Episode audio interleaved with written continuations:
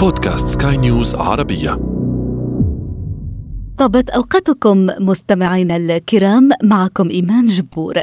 أينما كنتم أرحب بكم في بودكاست الحياة رواية. بطولات نسائية موضوعنا في هذا العدد.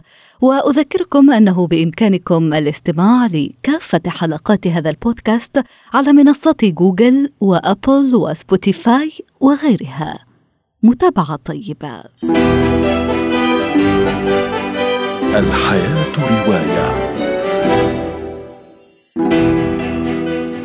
بنون النسوة شخصيات شكلت مركز كون روائع أدبية سواء كانت قصص بطولة ونخوة أو مأساة تراجيدية مصائر نسائية تسائلنا وتدفعنا لمساءلة مجتمعاتنا. Well, District 12's very first volunteer. Bring her up. What's your name? Katniss Everdeen. مرحبا بكم في بانم أو عندما يقود جنون السلطة أمريكا إلى نهاية العالم نعيش ونقاوم مع كاتنيس بطلة رواية Hunger Games للكاتبة الأمريكية سوزان كولينز. ومن لم يسمع قط بهذه الرواية أو يشاهد الفيلم المقتبس عنها فقد حان الوقت ليمنح نفسه متعة خوض مغامرة القتل من أجل البقاء. ففي هذه اللعبة التي تتابعها كل بانيم عبر برنامج تلفزيون واقع يتم اختيار مراهقين من مختلف الشرائح الاجتماعية ليخوضوا منافسة شرسة تقوم على قتل كل الخصوم ويفوز فيها شخص واحد فقط. يكون آخر من يبقى على قيد الحياة ليتم إعلانه فائزا وتتغير حياته إلى الأبد. وفي النسخة الرابعة والسبعين من لعبة البقاء هذه تتطوع كاتنيس للمشاركة بدل شقيقتها الصغرى التي وقع عليها الاختيار. كاتنيس القوية المتمردة والهشة في آن.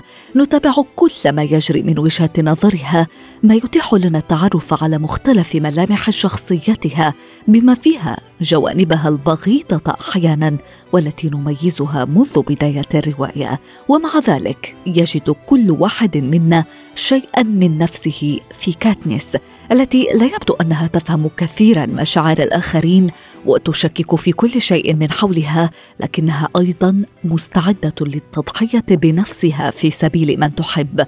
وذاك تجسيد للبطولة المثالية بطولة تجعلها محببة رغم برودها الظاهر. ودون أن ندرك ذلك لا نعود نريد سوى شيء واحد فقط أن نراها تنتصر أن نراها تعيش بكل بساطة. نقرأ في الرواية الأمل هو الشيء الوحيد الذي يتفوق على الخوف Let the children come.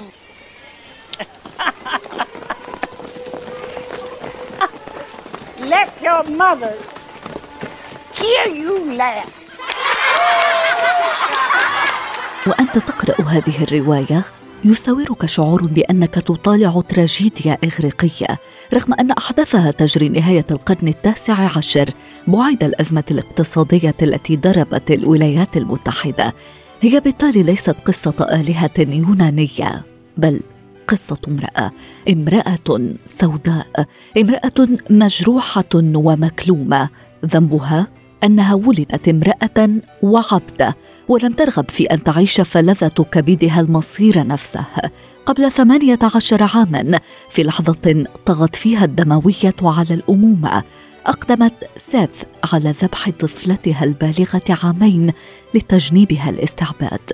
هذا الفعل المروع الذي يتم سرده منذ بداية الرواية سيكون في قلب القصة. فمنذ تلك الواقعة صارت سيث وأطفالها الآخرون مسكونين بشبح تلك الفتاة الصغيرة. بلوفت للأديبة الأمريكية توني موريسون.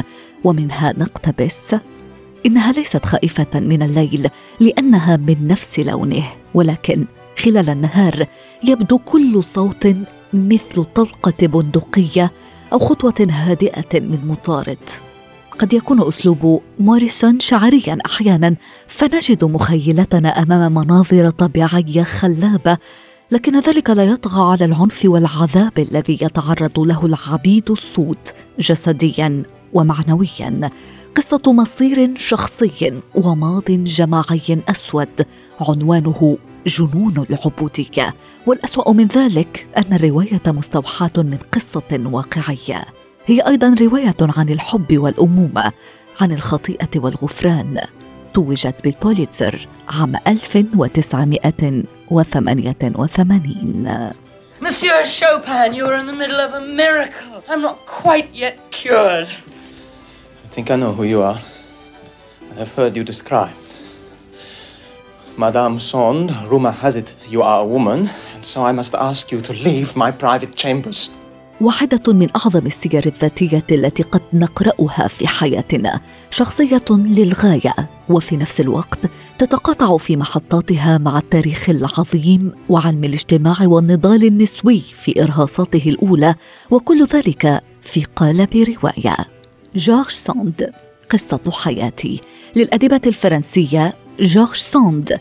وجورج ساند اسم مذكر اعتمدته أوغور لوسي دوبان في البداية لنشر أعمالها دون أن تكون محل استخفاف من قبل النقاد بسبب جنسها فأضحت بمثابة تيار أدبي كان له وقع القنبلة وصارت الكاتبة والأديبة الوحيدة التي تحدث عنها المجتمع الأدبي بصيغة المذكر حتى بعد أن أدركوا أنها امرأة وبحساسيتها الأنثوية تسرد لنا ساند حميمية حياتها.